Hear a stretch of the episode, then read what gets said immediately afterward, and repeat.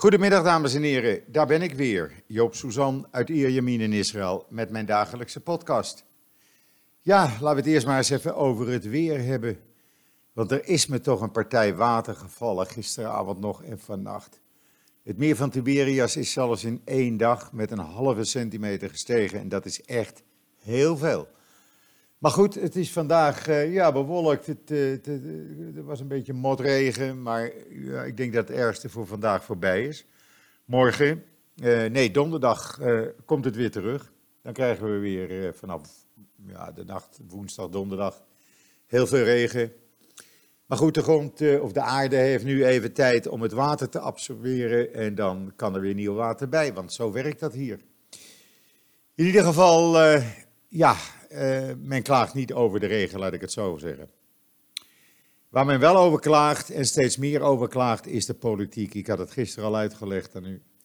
En het is echt, uh, ja, uh, het heeft niks meer met partijstandpunten te maken of, of wat dan ook. het, gaat, het gaat meer en meer over persoonlijke ego's. In ieder geval heeft Lapid gezegd, oké, uh, de deal die ik had met uh, Benny Gans binnen die alliantie blauw en wit, om te roleren in uh, het premierschap, mochten wij de grootste partij worden en een regering samenstellen, dan, dan zie ik daarvan af. Ik doe dat niet meer, ik hoef dat niet meer. Ik denk alleen maar aan het landsbelang en de partij. En dat staat bij mij voorop. En dat was een hele makkelijke beslissing, zegt hij, om te nemen. En uh, op die manier wordt het ook makkelijker voor kans om een regering samen te stellen. Zelfs als er na morgenavond, middernacht, geen uh, uh, regering kan worden samengesteld. De, de deadline loopt af morgenavond om 12 uur. En als er dan geen regering is, dan gaan we op 2 maart naar nieuwe verkiezingen toe. En waarom nu 2 maart? Nou, heel simpel. Blue and White wilde zo snel mogelijk. Uh, Netanyahu wilde zo laat mogelijk. De verkiezingscomité zegt dan doen we het op uh, uh, 10 maart. dat kon niet, want dat is de tweede dag Purim, het, zeg maar het Joodse carnaval. toen zei Netanyahu, dan doen we het 17 maart. Nee, zegt Hans, ik wil het dan zo, eer, zo vroeg mogelijk. Uh, eh, 3 maart, ook op een dinsdag, dat zou een goede datum zijn. Maar dat kan ook niet, want dan worden uh, landelijk de soldaten herdacht waarvan het graf onbekend is. Men weet dus niet waar die begraven liggen. Uh, dus dat was ook een probleem. Nou, toen is uitgekomen 2 maart, dat is dan een maandag, maar daarvoor moet wel weer de wet veranderd worden. Want in de wet staat dat verkiezingen alleen maar plaats kunnen vinden op een dinsdag. Waarom weet ik ook niet, maar het, uh, ja, het is in de tijd zo beslist. Dus men moet nu, uh, men gaat dan wel de uh, Knesset ontbinden, maar eigenlijk wordt dat dan pas maandag of dinsdag volgende week. Als dat allemaal zo gaat zoals het er nu uitziet. En dan, dan moet er vier keer over gestemd worden in de Knesset en dan moet dus een meerderheid zijn. Nou, die meerderheid die is er best. omdat die Koet en Blauw en Wit inmiddels hebben laten weten dat ze hiermee akkoord gaan met 2 maart. Dus die meerderheid zal er wel zijn en dan zullen dus de verkiezingen op 2 maart plaatsvinden. En ik zeg het nog maar even, het is de derde verkiezing dan als dat allemaal zo doorgaat binnen een jaar in Israël. En dat zijn Belgische praktijken. Ik las gisteren toevallig eh, een stukje in de Nederlandse krant dat België sinds mei zonder regering zit. Demissionair dus. Hier zitten we sinds verleden jaar december met een demissionaire regering die geen beslissingen kan nemen. Eh, alles eh, staat stil eigenlijk. En dat is gewoon, eh, dat is niet goed. Ondertussen hebben de legale experts hier in Israël, binnen het ministerie van Justitie, net aan jou gewaarschuwd dat annexatie zal leiden tot onderzoek van het internationale gerechtshof in Den Haag, het ICC. Want, zeggen zij, uh, dat kan je helemaal niet doen. Uh, je krijgt gelijk het ICC op je dak en je krijgt internationaal een heleboel gerommel. En ook, uh, als dat ICC dan zou gaan onderzoeken wat betreft annexatie, na de aankondiging dan door Netanyahu, dan heb je kans dat het internationaal strafhof uh, in Den Haag uh, aanklachten gaat indienen uh, tegen IDF-officieren of zelfs Israëlische burgemeesters op de westelijke Jordaanoever. Dus beter, zegt men, doe het niet. Ja, dat kan je dan wel tegen Netanyahu zeggen, maar dat is dan toch tegen Dovermansoor gezegd. Want hij trekt zich hier niets van aan en gaat gewoon verder met zijn verhaal, zoals vanmorgen ook weer, dat het een uh, uniek window of opportunity is, omdat annexatie gesteund wordt door de regering Trump. Ja, dat kan dan wel zijn, maar daar heeft het ICC dan weer niks mee te maken. En we hadden al het ICC met Gaza. ze zijn, ja, je hoeft er helemaal geen voor, ik ben er ook geen voorstander van. Maar ja, ze, ze zijn fel. Ze delen straffen uit. Uh, we hebben dat allemaal meegemaakt met Joegoslavië en zo. Uh, de, de, hoofdofficier van justitie van het internationaal strafhof, die heeft inmiddels laten weten, dat is ene mevrouw Fatou Bensouda, die heeft al laten weten dat ze bezorgd is over de plannen van Netanyahu. En ze zegt dat haar kantoor nauwlettend aan het volgen is wat Netanyahu aan het doen is. Terwijl ze ondertussen, en dat is ook belangrijk voor Israël, haar onderzoek in zaken de situatie in de Palestijnse gebieden aan het afronden is. Uh, en ze gaf aan dat namens het ICC dan binnenkort zal worden besloten of er een crimineel onderzoek uh, tegen Israël zal worden geopend. Nou, als je dan al problemen hebt met het ICC, dan moet je natuurlijk proberen om de problemen niet groter te maken. Maar goed, Netanyahu schijnt zich daar niks van aan te trekken. En die gaat daar gewoon dus mee door met die annexatie. Alhoewel, hou het er maar op, het is allemaal verkiezingsretoriek. Want in de praktijk gaat het niet gebeuren. Ook uh, het Huis van Afgevaardigden in, in Amerika heeft gisteren een resolutie aangenomen waarin ze zeggen geen annexatie, twee staten moeten er komen en that's it. Ja, uh, we zullen het gaan zien uh, wat, wat er gaat gebeuren. we hebben nog de tijd dus tot morgenavond 12 uur. En dan, dan weten we of er een regering is, zo niet. Ja, dan gaan we naar derde verkiezingen toe waar niemand op zit te wachten. Wat klauwen met geld kost. Er is uitgerekend, het kost zo tussen de 20 en 40 miljoen euro's. En dat is onnodig weggegooid geld als gewoon ego's opzij worden gezet.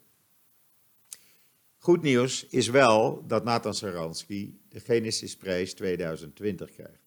En ik vind dat hij dat meer dan verdiend heeft. Nathan Sharansky, hij was een reviewsnik, Refusnik in de voormalige Sovjet-Unie heeft jaren in allerlei werkkampen door moeten brengen, acht jaar of zo. Uh, werd uh, uh, op een gegeven ogenblik vrijgelaten in 1986. hij had ook maanden hongerstaking gedaan. Hij wilde naar Israël emigreren. En is in Israël aangekomen. Is toen eind jaren 80, 90, begin jaren 90 in de politiek terechtgekomen. Is een paar keer minister geweest. Is later de directeur van Jewish National Fund geworden. of Jewish Agency eigenlijk, waar het Joods Nationaal Fonds weer onder valt. Is kort geleden daar opgestapt. Doet nu allerlei ja, andere bezigheden voor non-profit organisaties. En het is fantastisch dat hij deze prijs krijgt. En er zit een bedrag aan verbonden met, van 1 miljoen dollar. Vergelijk het maar de Genesisprijs met een soort Joodse Nobelprijs. Zo wordt het hier ook gezegd. En die 1 miljoen dollar, uh, heeft hij al gezegd, die gaat hij schenken uh, aan uh, non-profit organisaties die zich bezighouden met allerlei Joodse zaken. En dat is goed. Hij krijgt hem volgend jaar juni uitgereikt, officieel. Die aankondigingen zijn dan altijd eerder, maar ik vind dit fantastisch voor de man. Ik gun het hem ook. Iemand die zoveel in Rusland heeft meegemaakt en zich dan in Israël zo heeft ontwikkeld, daar kan je alleen maar respect voor hebben. Uh, en dan, uh, ja, waar ik geen respect voor heb, en ik ben daar echt heel kwaad over. Het, het, is al jaren aan de hand, maar het is nu stijgende namelijk. Blijkt uit onderzoek dat een kwart van de Israëli's, die leeft op of onder de armoedegrens, waaronder 1 miljoen kinderen. is uitgerekend door de non-profit organisatie Latet. Dat zijn dus meer dan 2,3 miljoen Israëli's, 530.000 gezinnen, die op dit moment in armoede leven. En die 1 miljoen kinderen, die hebben onvoldoende uh, voedsel, die krijgen onvoldoende maaltijden, slaan maaltijden over, krijgen weinig vitamintjes. Uh, dat is gewoon vreselijk. Ik vind dat vreselijk. En ik beschuldig daar ook de huidige en voorgaande regeringen van. Uh, want ja, die hebben daar niets aan gedaan. Ze beloven van alles. En het resultaat is dat er dus 2,3 miljoen mensen van de 9 miljoen inwoners gewoon op de armoedegrens of zelfs daaronder uh, leven. Ze hebben een gebrek aan uh, huisvesting, onderwijs, gezondheidszorg, voedsel en middelen om gewoon je normale dagelijkse kosten van levensonderhoud te dekken. En dan zult u zeggen, ja, dan ga je maar werken. Nou, dat doen ze ook. Maar dit zijn vaak mensen die niet gestudeerd hebben, die niet veel geleerd hebben, die ja, onderbetaald zijn. Ja, en het leven in Israël is nou eenmaal niet goedkoop. Het is vele malen duurder als in Nederland. En ik vind dat de regeringen daar wat aan hadden moeten doen. En de laatste tien jaar was het dus een regering onder leiding van Netanyahu. En die hebben daar dus gewoon niets aan gedaan. En ook nu weer, er is een demissionaire regering. Eh, er gebeurt dus gewoon niks. Deze mensen gaan weer een winter in, vol kou. Die kunnen de huizen niet verwarmen. Het is koud. Ik heb zelfs nu ook voor het eerst dit jaar dan weer de, de, de mobiele, hoe noem je dat? Uh, het is een soort uh, ja, elektrische verwarming, een elektrische radiator die ik aan heb gezet om een beetje de kou uit het huis te krijgen. Dus ik kan mij voorstellen hoe koud het bij die mensen thuis is. Uh, die kinderen die komen, uh, die 1 miljoen kinderen, die komen tekort aan koolhydraat, uh, brood, beleg. ja, het is gewoon vreselijk. Het is echt, vier, ruim 54% van die 1 miljoen kinderen zou het afgelopen jaar kleinere maaltijden hebben gegeten of maaltijden hebben moeten overslaan. Nou, dat is toch verschrikkelijk in een land als Israël dat dat gebeurt. En de regering doet er niets nada, noppers aan. Ik vind dat een schandaal. En ik word er alleen maar kwaaier en kwaaier over. Uh, ja, wat moet je hier verder over zeggen? Uh, eh, 97% van de ouderen die, die een pensioen hebben. En ik zal u zeggen hoeveel dat pensioen is. Want ondanks de belofte van de huidige regering verleden jaar om dat te verhogen naar 5000 shekel dat is dan omgerekend, nou laten we zeggen zo'n 1200 uh, eh, euro. Uh, leven die mensen van een uh, pensioen van gemiddeld 3600 shekel per maand. En dat is 800, 900 euro per maand. Daar kan je je huis niet van verwarmen, daar kan je amper de huur van betalen, wil je nog kunnen leven. ja, het is, het, is, het is echt een schandaal. Ik ben daar echt heel kwaad over. Maar goed, ik kan dat helaas niet veranderen, hoewel ik het graag zou willen. En dan nog even over de regen, want er wordt hier een truc uitgehaald eh, als het regent. Men is daar eh, afgelopen zondag weer mee begonnen. Wat doet men namelijk? Zodra er eh, grote regenwolken zijn, gaat men die proberen te vergroten, zodat er meer regen uitkomt. Eh, er wordt dus eerst in kaart gebracht welke wolken dat potentieel hebben. En dan uh, stuurt men er lichte vliegtuigjes naartoe. Die vliegen die wolk in. En die verspreiden een zilver-jodide verbinding. Daarbij geholpen door 32, zoals men dat noemt, zaaiplaten op de grond. En dan valt er uh, ja, 13% meer regen uit een wolk. Nou, dat is uh, behoorlijk veel, vind ik. ja, men is niet meer echt aan het experimenteren. Men probeert het natuurlijk wel.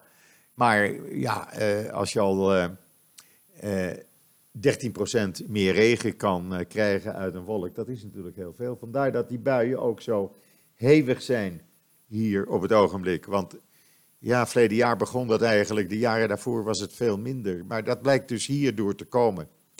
En eh, men slaagt er ook in om 96% van het regenwater nu vast te houden in het gebied waar het naar beneden komt. En dat moet vooral in het noorden, waar dus veel land- en tuinbouw is. Daar moet dat vastgehouden worden in ondergrondse reservoirs. Want anders uh, verlies je dat water weer. En dan ben je het weer kwijt. Dus dat doen ze, ja, dat doen ze wel goed. En dan uh, de Palestijnen in Bethlehem. Uh, het is binnenkort kerst en uh, men wil de toeristen meer bieden als alleen maar de gewone kerstzaken. dat toeristen wat langer in Bethlehem blijven. Zelfs een nachtje overnachten in een van de leuke hotels. En men heeft daar hele programma's voor opgezet. U kunt het allemaal lezen wat ik u nu vertel in joods.nl vanzelfsprekend. Uh, men verwacht dit jaar alleen al uh, op uh, de dag voor kerst tot middernacht zo'n 165.000 toeristen die naar Bethlehem gaan. Plus de toeristen die daarvoor al in Israël zijn aangekomen. Dus het zal wel eens heel druk kunnen gaan worden in Bethlehem. Het zou goed zijn, verdienen de Palestijnen, Palestijnse ondernemers ook weer een extra zakcentje, zullen we maar zeggen. En dan, ja, iets waar ik wel van opkeek. Sorry, een slokje water, maar iets waar ik niet door verrast was. De EU-tsaren eh, voor buitenlandse zaken, die worden geadviseerd door een denktank. Dat is eh, de European Council on Foreign Relations, oftewel de ECFR. En dat is een denktank. Uh, je kan het ook vertalen, Europese Raad voor Buitenlandse Betrekkingen. En uh, die, uh, ja, die, die adviseren dus de Europese Unie en de ministers van Buitenlandse Zaken van de EU-landen over de boycott van Israëlische producten bijvoorbeeld. Of hoe je nog meer Israël kan boycotten vanwege de bezette gebieden, zoals ze dat noemen. Uh, hun adviezen worden vaak overgenomen door de Europese Commissie en worden omgezet in beleid voor de Europese Unie. En uh, momenteel roepen ze ook op om een veel agressiever beleid te gaan voeren tegen Israël. Uh, zij vinden ook dat elke Europees land wat een overeenkomst met Israël maakt, moet daarin een clausule zetten waarin de gebieden die als bezet beschouwd worden door de Europese Unie, worden weggelaten. Dus daar kan je geen zaken mee doen. Dus men heeft het maar over boycott vanwege uh, het feit dat Israël gebieden bezet. Wat blijkt nu? Deze denktank, deze uh, Europese uh, Commissie voor, of Europese Raad voor Buitenlandse Betrekkingen, die wordt gefinancierd door een aantal grote Europese bedrijven. En wat denk je? Deze bedrijven hebben er helemaal geen moeite mee om in andere bezette gebieden, zoals de Spaanse Sahara bijvoorbeeld, eh, zaken te doen of bedrijven neer te zetten. Want ja, dat is tenslotte niet Israël. En eh, een voorbeeld is bijvoorbeeld de westelijke Sahara, Noord-Cyprus. Uh, ja, je kan zeggen, eh, dat is allemaal bezet. Uh, dus dat zijn ook kolonisten die daar wonen dan. Nou, Allianz, die grote Duitse verzekerings- en financiële dienstverlener, met een hoofdkantoor ook in Duitsland dus, die heeft verschillende officiële kantoren en agentschappen in de westelijke Sahara, waaronder in een drietal plaatsen Bujur, Dakla en Layun. De Banco Bilbao uit Spanje, is een toonaangevende financiële instelling, die heeft een, uh, een bank op, uh, uh, met acht filialen in Noord-Cyprus. En dat doen ze samen met een Turkse bank. althans, een dochtermaatschappij van hun, die heet Garantie. Bos uit Duitsland, het elektronica-concern. Die heeft winkels in winkelcentra op Noord-Cyprus bezet door Turkije, zoals u allemaal weet. En een licentiehouder van Bos, die heeft weer bedrijven in de westelijke Sahara. Uh, ook bijvoorbeeld uh, Daimler, Mercedes, en Santander uit Spanje. Eh, die zijn er helemaal niet vies van om in bezette gebieden gewoon bedrijven neer te zetten en geld te gaan verdienen. Maar zolang het op de westelijke Jordaanoever aankomt, of de, de Golan, dan ja, dan krijg je die bedrijven niet, want dan zegt uh, de Europese Raad, die denktank dus, van ja, maar dat is bezet gebied, daar, uh, daar mag je dus niet komen. Maar ze laten zich wel als Europese Raad dus financieren door bedrijven die gewoon in allerlei bezette gebieden dus zaken doen en bedrijven hebben. Hoe hypocriet wil je het hebben bij de e- Europese Unie? Hoe hypocriet zijn ze bij de Europese Unie? Ik snap daar niets van. Ik snap daar echt totaal helemaal niets van. Maar goed, laat maar zeggen, men, uh, ja, men haat Israël bij de EU. Zal ik het zo maar zeggen? Goed, dan gaan we met iets leuks afsluiten. Want gelukkig, er is een Israëlisch bedrijf, en u kent het waarschijnlijk, MoveIt. Dat is een openbaar vervoer app die je wereldwijd kunt gebruiken. Die is in real time. En die wordt nu al wereldwijd door een half miljard mensen gebruikt. Een half miljard mensen. Dat zijn er wel erg veel, moet ik zeggen. En ja, overal ter wereld, in Azië, Amerika, Europa, Australië, je noemt het maar op, wordt deze app gebruikt. En ja, dat mag, daar mag dat bedrijf uit Peter Tikwa hier in Israël gewoon trots op zijn. Ik gebruik het hier zelf ook wel eens. Het is hartstikke handig. Als u hem niet heeft, download die app. MoveIt, M-O-O-V-I-T. Want ze zijn real-time en ze geven precies op. Als je zegt, je moet van A naar B, dan geven zij op. Nou, dat zou je het zo kunnen doen met deze bus, met deze trein. Zelfs fietsverhuur, eh, elektrische fietsverhuur hier in Israël. Eh, alles is mogelijk. Eh, hoe lang je loopt, welke bus er uh, op een bepaald tijdstip aankomt. Nou ja, het is fantastisch. ga het eens een keer gebruiken. Want als een half miljard mensen het kunnen gebruiken, dan kan iedereen het gebruiken, toch?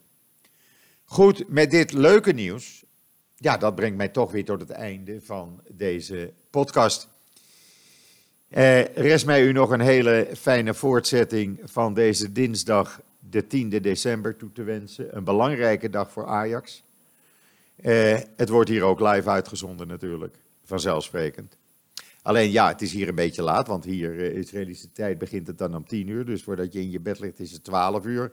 Morgenochtend om 6 uur er weer uit. Maar goed, we zullen zien. We zullen zien. In ieder geval, uh, gaat u kijken, dan wens ik u een hele fijne wedstrijd toe. En wat mij betreft zeg ik zoals iedere dag, tot ziens, tot morgen.